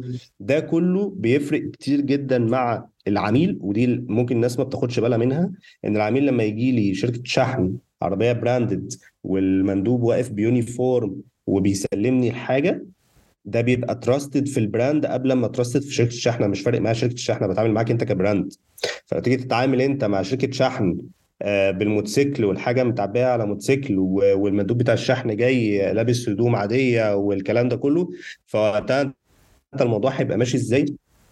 هيبقى ماشي إن هو آه، آه، أنا هشك في ال brand لأن أنت بس بتسترخص. فإذا أنا بالنسبة لي هبقى شايف إن والله لأ في يعني ال value اللي أنت بتديها لي في شركات كبيرة قوي بتعمل اللي أنت بتقول عليه شركات ليها اسمها وتقلها جدا في السوق. ال- اللي هي الجزئية بتاعت إن هو بت بتسترخص وبتبعت آه، مناديب من غير ال uniform ده. أيوه ما أنا بقول لك ما هو للأسف ما هو ده مع الوقت بيدي لنا انطباع مش كويس. ليه؟ لأن أنت لو بتبيع لي الحاجة غالية وشايفك إنك مسترخص في ال operation فإذا أنا بالنسبة لي هبقى بقول لك إيه؟ بقول لك طب يعني هو أنت بتبيع الحاجة غالية ليه؟ يعني ما هو الحاجة يعني مثلا على سبيل المثال خلينا نتكلم على حاجة زي زي إيما مثلا. تمام؟ إيما بتاعت طرح إيما بتاعت طرح آه، الطرحة اللي بتشوفها هي design حلو وكل حاجة وخامة كويسة وبتاع وكلام يعني أنا بالنسبة لي ما أعرفش بس عارف اللي هو إيه؟ بما إن مراتي أصلا يعني order اتها من هناك فالموضوع بالنسبة لي آه، كلامها برضو هو اللي بي هو هو ال feedback بتاعها. فبتيجي بتقول لي لما بشوف ال- ال- الحاجة وهي جاية اولا هي ما بتشحن مع بوسطة بس مش بتشحن في ال flyer بتاع بوسطة. بتشحن في flyer خاص بيها بتشحن في علبة كأنها علبة هدايا طرحة بتوصل كأنها علبة هدايا تمام؟ آه عندهم customer service هايل عندهم كذا عندهم كذا فبالتالي الطرحة اللي ممكن تبقى شايف انت كراجل يعني عموما لو بتفكر ب logic إن الطرحة دي في حاجات شبهها هي مش هي هي مش نفس النقشة بس في حاجات شبهها بره ب 150 جنيه وإيما بتبيعها ب 500 جنيه فاللي هو ليه أشتريها ب 500 جنيه؟ هم على الناحية الثانية بيشتروها ب 500 جنيه علشان علشان ال point دي. ال point دي اللي هي إيه؟ اللي هي جزئية في الأول وفي الآخر آآ آآ ال- الطريقة اللي بيوصل بيها ال brand نفسه. فدي من النقط المهمة جدا اللي لازم كل e-commerce ياخد باله منها. هي حتة إيه؟ هي حتة إنه شركة الشحن بتفاصيلها يا إما تقللك يا إما تطلعك. يعني أقول لك على حاجة في شركات شحن تبقى حلوة جدا في ال deliver وهي بتوصل يعني بتوصل حلو جدا في المناطق اللي هي آه، آه، المدن الجديدة زي المعادي زي العبور زي الشروق زي تجمع بس تيجي تدي لها order في عين شمس أعزك الله ما يوصلش. أو المرج ما يوصلش. شركات تحن... الشركات شحن تانية العكس. في شركات شحن تانية في الأقاليم ممتازة جدا لكن في القاهرة سيئة جدا. فأنت أنت أنت وكل شركة شحن وليها نقط قوة ونقط ضعف. ما فيش شركة شحن كاملة من مجاميعه. مفيش حد هيلم لك الموضوع ده كله. فبالتالي أنت بتعمل إيه؟ أنت بت rate أنت شركات الشحن عندك أنت based على ال success rate بتاعك معاهم آه، آه، تحويل الفلوس آه، ومش عارف إيه والكلام ده كله كل ال points دي كلها. فبالتالي انت بت rate ده علشان تبدأ لما تيجي يجي لك order تبدأ تشوف هتوجهه لفين. من جزئية ال operation خلينا نروح لناحية ال influencer marketing إحنا في ال Black Friday بنستخدم ال influencer marketing بشكل كبير قوي. فازاي ده ممكن يتعمل بالشكل الصح؟ طيب حتة ال influencer marketing زي ما إحنا كنا اتكلمنا إحنا قلنا إحنا والله إحنا لو بنشتغل إعلانات في ال Black Friday فأنا بشتغل على retain customer يعني أنا أه، ب- الناس اللي هي عارفاني من فترة already متابعاني. ممكن تكون عملت order من عندي أو ما عملتش order من عندي. وبحاول إن أنا ما مصرفش إعلانات على إن أنا أجيب ناس جديدة. بس لو أنا حابب إن أنا جوه ال Black Friday أستفاد بإن أنا أجيب ناس جديدة أعلي الاوردرات وأعمل branding يعني طبيعي. فهنا ال ال ال الاتجاه ال recommended من ناحيتنا based على التجارب السابقة هي جزئية مش إن أنت تروح تصرف إعلانات على ناس جديدة وتعرفهم عن نفسك في حاجة اسمها marketing 4.0 يمكن ده فيليب كوتلر كان كاتبه فيليب كوتلر ده اللي هو يعتبر يعني واحد من. آباء المؤسسين أصلا يعني آه. فهو كان بيتكلم على إن ال marketing 4.0 لو إحنا بنتكلم على إن إحنا دلوقتي في ال 3.0 اللي هو عصر ال digital عصر ال social media وإنه في interaction ما بين ال brands وما بين ال customers فال 4.0 فهو بقى عصر ال word of mouth يعني إيه؟ يعني أنا ممكن أخش على group بتاع don't shop here أو ask before you buy وأثق في رأي profile أنا ما أعرفوش ولا عمري سمعت عنه قبل كده. وهو بيكلمني عن brand قد إيه إن هو حلو أو قد إيه إن هو وحش. وقتها أبني قراري وأنا ما مع ال brand ده قبل كده based على ال opinion ده. فهي هو ده هو ده ده العصر الجديد ال more effective way ويمكن ده السبب اللي مخلي إنه دلوقتي إحنا في عصر ال peak بتاع ال influencer marketing إنه حد يبقى influencer عنده عدد كبير من المتابعين اللي بيبقى interested بال content بتاعه ومهتمين باللي هو بيقدموه. فلما يجي يتكلم يقول له والله أصل أنا شغال مع ال brand ده فاذا أو آسف يعني أنا بشتري من ال brand ده وال brand ده حلو فطبيعي إن هو هيبقى ال ROI بتاعه ممكن يكون أحسن من إن أنا أشغل إعلان وأتكلم عن نفسي وقد إيه المنتج بتاعي كويس والكلام ده كله. الاثنين كل واحد يعني نسبة وتناسب طبعا يعني الاثنين بيجيبوا نتائج بس على قصد أنهي ممكن يبقى more efficient شوية عن التاني. مع الاخذ بالاعتبار برضو إنه مش دايما لما تيجي تشتغل في مع مع influencer فهو ده بشكل أساسي أو ضروري هيعود عليك. ما برضه انت لازم تحط لها خطة لأن هي في الأول وفي الآخر investment والأرقام اللي بياخدها ال influencers سواء كانوا بقى ميكرو أو macro آه ف... فهي ما بتبقاش قليلة. يعني مقارنة بالإعلانات بتاعت ال social media هي مش هتبقى قليلة بس بس ممكن تبقى more efficient فإحنا لو أنا بتكلم على ال Black Friday جوه جوه آه إن أنا عايز أجيب cold audience أو عايز أوصل لناس جديدة. فال best practice هي إن أنا أروح لل influencer campaign أروح لل influencer campaign إزاي؟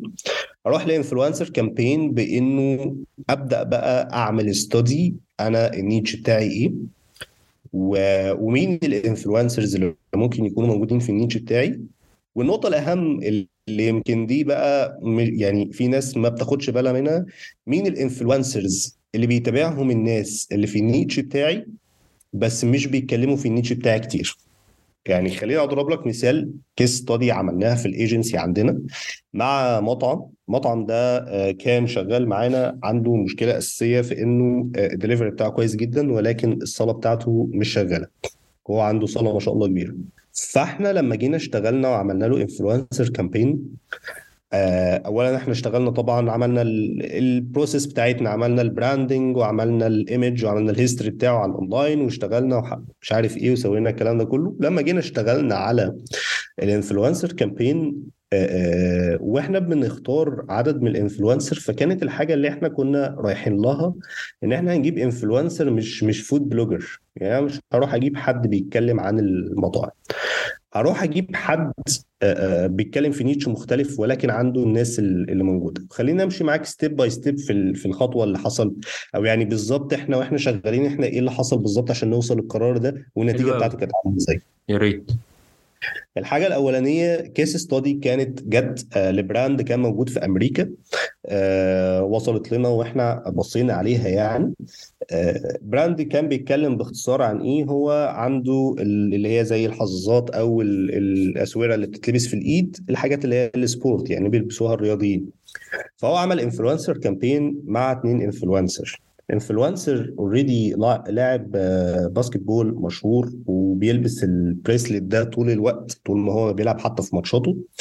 و influencer تانية ليها علاقة بمجال ال fashion شوية. يعني حتى مش في health مثلا أو جيم أو كده لا هي ليها علاقة بال fashion شوية. و... وكانت النتائج كالآتي. مبيعات المبيعات ال ROI كان أعلى بكتير لل influencer بتاعت ال fashion عن بتاع ال basketball وكانت الرؤية هنا عشان كذا حاجة يعني هم كانوا بيعملوا ال analysis ف... فليه حصل ده؟ مع إنه المفترض إنه العكس يعني إحنا perspective كده والله دي بتاعت رياضة وده راجل رياضي لابس ال bracelet طول ال... طول الوقت في ماتشاته في كل حاجة فليه ده مبيعات اللي هتيجي من عنده أقل من المبيعات بتاعت ال fashion؟ فلقوا إنه في مجموعة من الأسباب. رقم واحد بتاع basketball رغم إن كان عنده عدد followers كبير بس ال authenticity بتاعته أو ثقة الناس في إن هو يكون بي promote ل brand بتبقى قليلة شوية. آه زائد إن هو بي promote لمجموعة من ال brands بتاعة ال sports.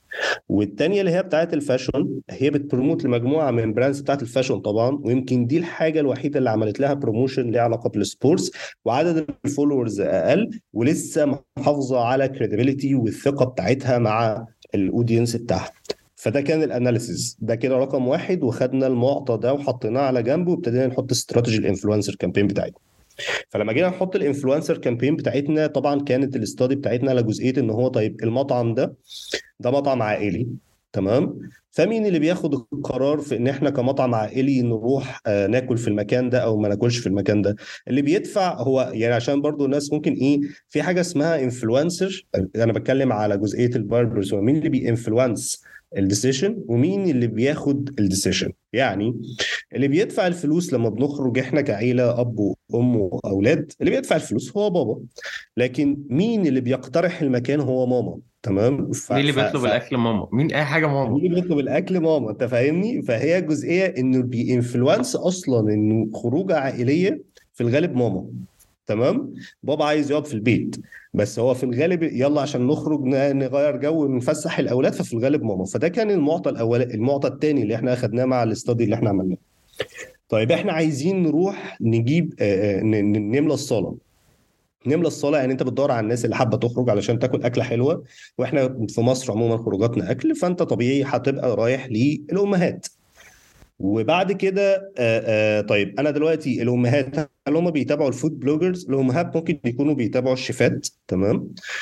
فإذا ممكن إن إحنا نحط في الاعتبار بتاعنا إن إحنا نجيب حد من الشيفات المشهورين اللي بيتابعوا الأمهات. بس هنا هتبقى الرؤية أو food blogger اللي ممكن يبقوا مشهورين اللي بيتابعوا الأمهات. بس هنا هنبقى واقعين في نفس المشكلة. هو بيتكلم على 3000 مطعم أو بيتكلم على 3000 مكان بيقدم أكل.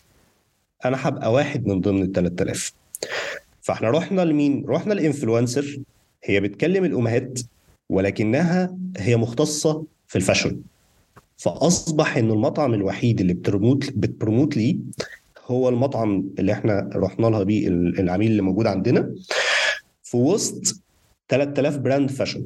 فطبعا كان ليه التميز بتاعه. حلو قوي وجت صورت اللي حصل ال cases اللي حصل بقى كان الاتي لما جت وصورت وطلعت بال results آه آسف وطلعت بال campaign بتاعتها على ال profile بتاعها ال weekend اللي بعد ما هي صورت كان نسبة التشغيل في الصالة بعد ما كانت بتعدي في ال weekend بتوصل في ال weekend ل 40 45% كانت نسبة التشغيل في الصالة في ال weekend ده 300% based على الكلام بتاع مدير المطعم لأنه عملنا meeting بعدها على طول.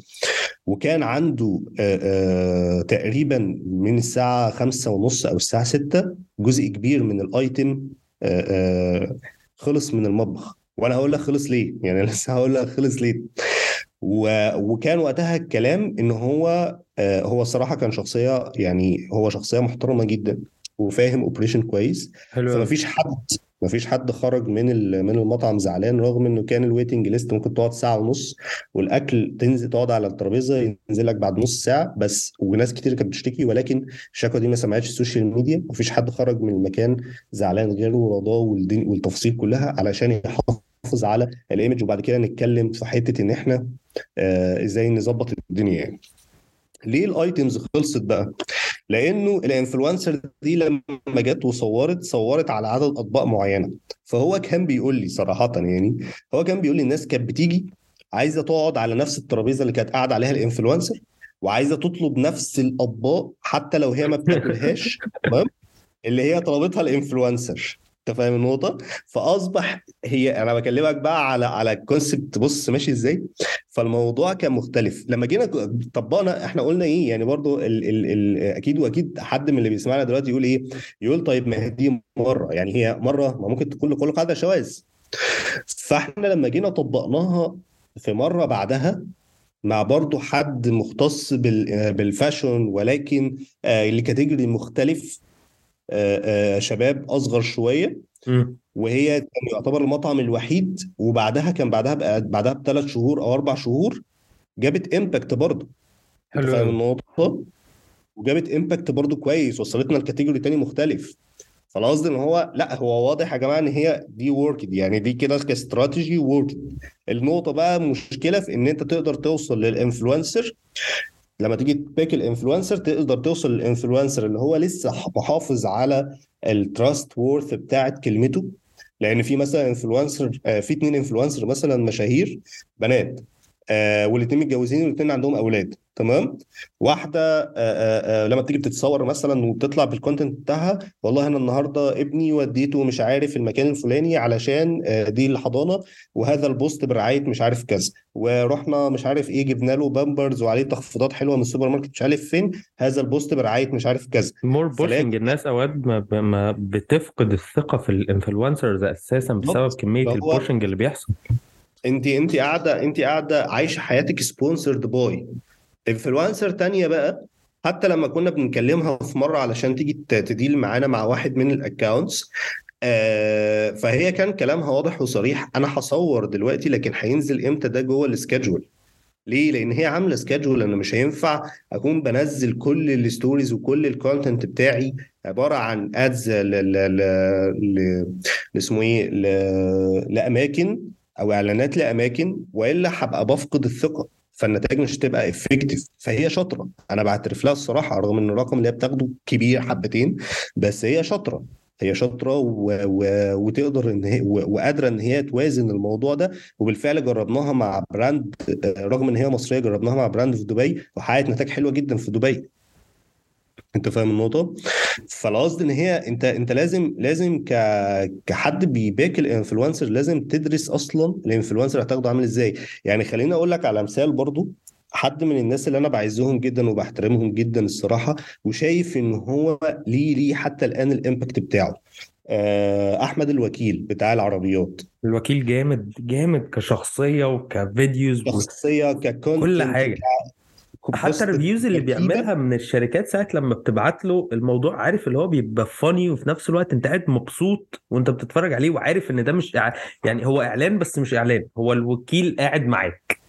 بالظبط كده. ف... فنجاحه نجاحه في الحتة دي اللي هي نفس النقطة. أنا وأنت عارف إنه إنه influencer وإنه واخد رقم وفي الغالب بما إن إحنا في المجال فعارفين هو هياخد رقم كام. بس المحتوى بتاعه ملفوف لفه هدايا زي ما إحنا ما بنقول كده اللي هو ده حلو قوي لدرجة إن أنا مصدقه لدرجة إن أنا interested إن أنا أروح فعلا أجرب علشان هو اتكلم عليه بالشكل ده. أنت فاهم ال- الجزئية. ف...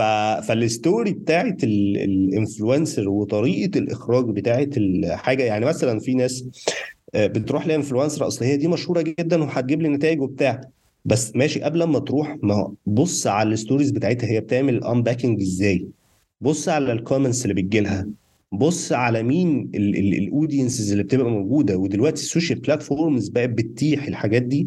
يعني مؤخرا تيك توك وانستجرام داخل في نفس القصة وال feature دي حتى تبقى موجودة عنده قريب إنه هيبقى عنده حاجة اسمها content market زي ال market بتاع الفيسبوك كده. أنت داخل الانستجرام على فكرة عمل announcement على الموضوع ده والمفترض إن هو في نص 23 أو في آخر 23 هيبدأ ي- جامد. يعمل لها يطبقها على ال على ال accounts عنده. لأن أنت content creator عندك آه، 1000 follower تمام؟ أنت ال rate بتاعك انت حاطه كذا انت بتروح ت participate على ال market بتاع بتاع انستجرام زي ما بت participate على ال market بتاع الفيسبوك وتنزل عليه منتجات وتبيعها. وانت كحد business owner أو ك marketer عايز تتعامل مع influencer فانت بتروح الإنستجرام بيديلك ال insights بتاعت إن هو والله آه، من جوه آه، الراجل ده عنده followers قد إيه ال reach بتاعه قد إيه الحاجات دي كلها علشان تقدر تاخد ال decision بتاعك. وطبعا لو هو حاطط ال rate بتاعه فانت بتبقى عارف ال rate بتاعه عامل إزاي. حلو قوي فهو قريبا الموضوع هيبقى أبسط من كده. بس دلوقتي مهم جدا لأن أنت تدفع جنيه أنت لازم تبقى متأكد الجنيه ده إنه هيرجع لك مش هيترمي على الأرض. ما تروحش ال influencer علشان هي عندها آه، أو عشان هو عنده آه، آه، مليون follower تمام؟ ولكن لما بتسلموا الحاجة آه، وتقولوا والله هاخد ال story بس عشان ال story آه، سعرها ده اللي مناسب معايا مش هعرف آخد ال story وال post مثلا فتروح تعمل ال story يبقى ال story آه، والله أنا جالي هدية مش عارف كذا أدي البتاع أهو حلو قوي يا جماعة جربوه اللي هو طيب ماشي هل ده اللي هيعود عليك؟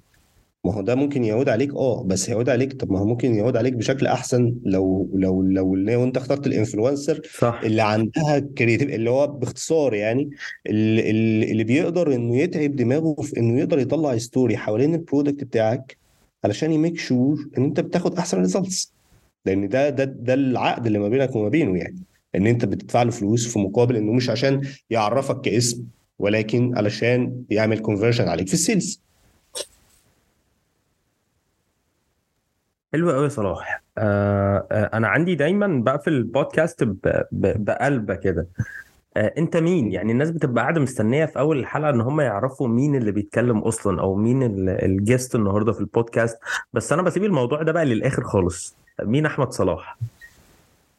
طيب مين أحمد صلاح؟ بص يا أحمد أحمد صلاح هو أنا يعني شاب مصري آه، بعشق حاجة اسمها marketing أنا خريج آه، تجارة الأزهر آه، ومعتز جدا إن أنا خريج أزهر يعني. جامد.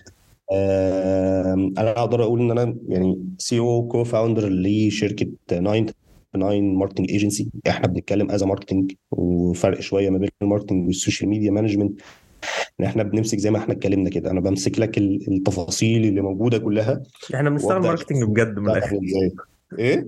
بنشتغل ماركتنج بجد من الآخر. مش post marketing و design وشغل الإعلان. بالظبط. ف أنا بعشق حاجة اسمها يعني أنا بالنسبة لي زي ما قلت لك كده أنا بعشق حاجة اسمها marketing و... و... وبيبقى دايما هدفي عموما ببقى شايفه في الحياة هي جزئية إنه لأ أنا دي واحدة من ضمن ال- الأهداف اللي بحاول أحققها وفي الفترة الحاليه إنه ببقى عارف كويس جدا إن ال marketing ده هو يمكن يكون عامل أساسي في إنه آه، أي brand عنده quality عنده customer service كويسة في مصر يقدر إنه يبقى international يقدر إن هو لأ يقدر إنه يطلع بره مصر. نبقى إحنا وقتها عندنا ماكدونالدز بس المصري يعني عندنا عندنا اديداس بس المصري. فجزء من ال objectives أو جزء من ال goals على الجانب الشخصي وأعتقد برضو على الشركة عندنا إن إحنا حابين نحققها. حلو إن إحنا نكون مشاركين بشكل أو بآخر مع brand يقدر يحقق ده. وبنحاول مع كل ال brands اللي موجودة معانا يمكن عشان كده الحمد لله ال brands اللي موجودة معانا ماشية على steps كويسة. في ان إحنا نقدر نوصل ب growth إنه لأ هو عنده service كويسه جدا وعنده product كويس جدا وإحنا بنبقى الحمد لله قد الثقة في إن إحنا نقدر نوصله لل audience ونقدر نحقق معاه results فأحمد صلاح بيحب ال marketing بيعشق حاجة اسمها marketing ونفسه إنه يشوف brand international مصري حلو قوي آه، موجود على مستوى العالم وإنه يكون هو مشارك في في الجزء ده من ناحية ال marketing يعني. جامد جدا. طيب نصيحة في الآخر خالص كده لو آه، للناس اللي عايزة ت join ال Black Friday طبعا أعتقد إن هم مش هيلحقوا يستخدموا النصيحة السنة دي لأن أنا اتأخرت في الحلقة. لكن الناس اللي عايزة ت start من السنة الجاية تبدأ في ال Black Friday يتحركوا بشكل سليم. الناس دي ممكن تعمل إيه كنصيحة؟ ك business owners و as marketers طيب ك... خلينا نقسم الموضوع لجزئين. ك business owner آه لا هو دلوقتي يعني كل ال insights اللي بت... بتجيلنا حتى الآن آه نتيجة للظروف على الوضع العالمي آه بيقول إن ال Black Friday دلوقتي أصلا في صعوبات إنك تحقق فيه أرقام مشابهة للأرقام ما قبل ذلك. فأنت آه محتاج إنك في ال Black Friday لو أنت لسه ما بدأتش فلا ما, ما تاخدش risk بإن أنت تروح ل Black Friday دلوقتي. آه وابدأ آه آه آه، يعني ابدأ إن أنت تستعد لل Black Friday بتاع السنة الجاية. والنقطة الأهم إنك تبدأ تستعد لحاجات تانية. يعني مثلا في حاجة اسمها ال Single Day ده يوم 11 11 بس السنة دي طبعا ضرب علشان كان ال event اللي موجود عندنا هنا في مصر كان عامل شوية قلق يعني. آه بس 11 11 مثلا ده في ال في بره من 2015 لحد دلوقتي هو بيحقق. يعني تقريبا خمس ست أضعاف مبيعات ال Black Friday في أوروبا وأمريكا والصين. ف... في يوم 11 ويمكن السنة دي كانت أمازون وجوميا آه ونون كانوا تقريبا مش عارف نون شاركت ولا لأ بس أمازون وجوميا كانوا عاملين campaign هايلة جدا ل 11 11 وأعتقد إن هم هيستمروا على ده. ومع الوقت هتلاقي إن اليوم بتاع 11 11 ده أصبح زيه زي ال Black Friday. لأن هو بقى event عالمي وال e-commerce أو ال marketplaces الكبيرة هتبدأ آه، تدخلها جوه مصر جوه الثقافة المصرية ومع الوقت الثقافة المصرية هتبدأ تتأقلم عليها. فلازم أنت برضو تبقى عامل حسابك في حاجة زي كده وبتقرا بمعنى أصح المستقبل. فأنت عارف إنه 11 11 ده هيبقى يوم مهم ومحتاج إن أنت تظبط له وتعمل له campaigns زيه زي Black Friday هو 11 11 آه، الفكرة منه إن هو ده اسمه يوم ال singles العالمي علشان ده التاريخ الوحيد في السنة اللي فيه كمية الوحايد دي كلها. ف... فأنت هنا برضو العروض بتاعت ال Black Friday تبقى مختلفة عن 11 11 يعني 11 11 أنت بتكلم الناس ال singles الناس اللي هم عايزين يجيبوا حاجات شخصية ليهم. ال Black Friday هتلاقي في ناس حابة إن هي تجيب هدوم شتوي حابة إن هي تجيب هدايا حابة إن هي تجيب electronics وما إلى ذلك يعني. آه، فمبدئيا أنت ك business owner أنت محتاج تبدأ تستعد لشهر 11 في السنة الجاية. آه، وتبدأ فيه من بدري زي ما إحنا اتكلمنا. يعني من شهر 10 تبدأ إن أنت ت run ال campaigns آه، تبدأ إن أنت تحط تبدأ تتأكد إن ال stock بتاعك شغال إن ال website ال e-commerce بتاعك كله updated وما إلى ذلك. ده بالنسبة لل business owner بالنسبة لل marketers لا هو أنت محتاج بقى تفتح Excel ات sheet كتير. كل حاجة أنت شغال عليها جوه ال Black Friday في الوقت الحالي تبدأ ت record كل رقم وكل تفصيلة صغيرة موجودة. كل creative أنت عامله كل copywrite أنت عاملها كل ad set أنت عاملها كل رقم أنت محققه كل الحاجات دي كلها أنت لازم تسجلها في ال Excel sheet لأن رقم واحد على مستوى العالم اللي يقدر يخليك إن أنت تقدر تاخد the next step هي جزئية ال data فانت لو انت ما عندكش data فانت بتتحرك برقاوي. فلو بتتحرك برقاوي ما تنتظرش إن أنت يبقى عندك صعود ثابت في سلم النجاح زي ما بيقولوا. ده مع السلامة أصلا. بالظبط. يعني أنت ما ينفعش إنك تتحرك برقاوي فتضرب معاك مرة وتخيب عشرة. فمش منطقي يعني. فطبعا لازم يبقى يبقى أنت بتقرأ ال insights دي. لازم إن أنت ترجع تبص على الأرقام بعد ال Black Friday اللي موجودة international سواء بقى كان عن مجله Economist سواء كان على اسمه إيه ده finance حاجة اسمها مش متذكر والله اسامي دلوقتي. بس يعني هتلاقي أنت لو عملت search على reports اللي هي جزئية insights Black Friday 2022 بقى في شهر 12 أو في آخر شهر 12 بالتحديد هتلاقي في أرقام كتيرة جدا بتطلع لك على الموضوع ده. و... وتبدأ تقرأ الأرقام بالشكل اللي يخليك إنك تقدر تبني استراتيجي على ال events اللي جاية وتبقى مستعد للسنة الجاية بتاعة 2011 من بدري. وأهم حاجة برضو إن أنت في السنة دي تبدأ تتعلم أو تبدأ تعرف إيه المشاكل اللي كانت واقفة قصادك وإيه اللي, اللي وقعتك أو عطلتك في ال Black Friday وعطلتك ليه وإمتى؟ ودي نقطة مهمة جدا لأن أنت الساعة عندك جوه ال Black Friday بفلوس. فلو هي عطلتك يوم 10 11 فأنت السنة الجاية اعمل حسابك إن 10 11 ما تعطلكش نفس المشكلة. أنت فاهم النقطة؟ فهي جزئية دي نقطة مهمة جدا ان أنت لازم تبقى عارفها يبقى معاك record لكل المشاكل اللي بتحصل جوه ال season ده علشان تقدر تتفاداها مع أي brand أنت شغال عليه في السنة الجاية. حلو قوي. أنا اتبسطت إن أنا قعدت معاك شوية الحلوين دول. أنا انبسطت أكتر والله يا أحمد وأتمنى إنه أكون قدرت أفيد كل الناس اللي بيسمعونا وإن هم يقدروا يستفادوا من ال talk دي في campaigns عموما اللي جاية لأن كلام يمشي على Black Friday ويمشي على غير Black Friday جامد قوي أه بشكرك يا صلاح. okay.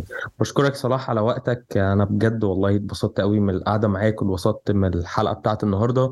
أنتم كنتم تسمعوا The Creative Cast وأنا أحمد متولي. تقدروا تسمعوا الحلقة دلوقتي على Spotify و Anchor و Apple Podcast و Google Podcast ونشوفكم الحلقة الجاية.